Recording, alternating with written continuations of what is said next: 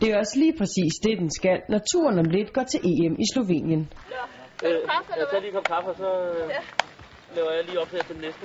Kvindelandsholdet i petang er ved at være klar. Hvad laver I? I drikker kaffe. det er ikke petang, det. Og har, trods en kaffepause fra dagens træning, masser af erfaring at byde ind med. Hej, jeg hedder Maria. Maria, jeg er 32 år gammel og har spillet petang i 14 år. Jeg hedder Mia, og jeg er 25 år og har spillet det mit 10. år.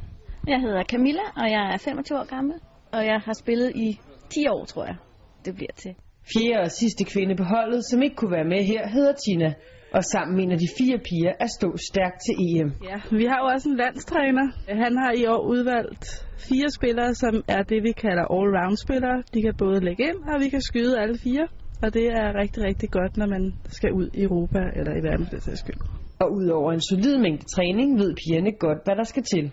Jeg tror, alfa og omega, det er nok øh, herop, at det er vigtigt, at øh, vi er klar og ved, hvad det er, ligesom vores mål er.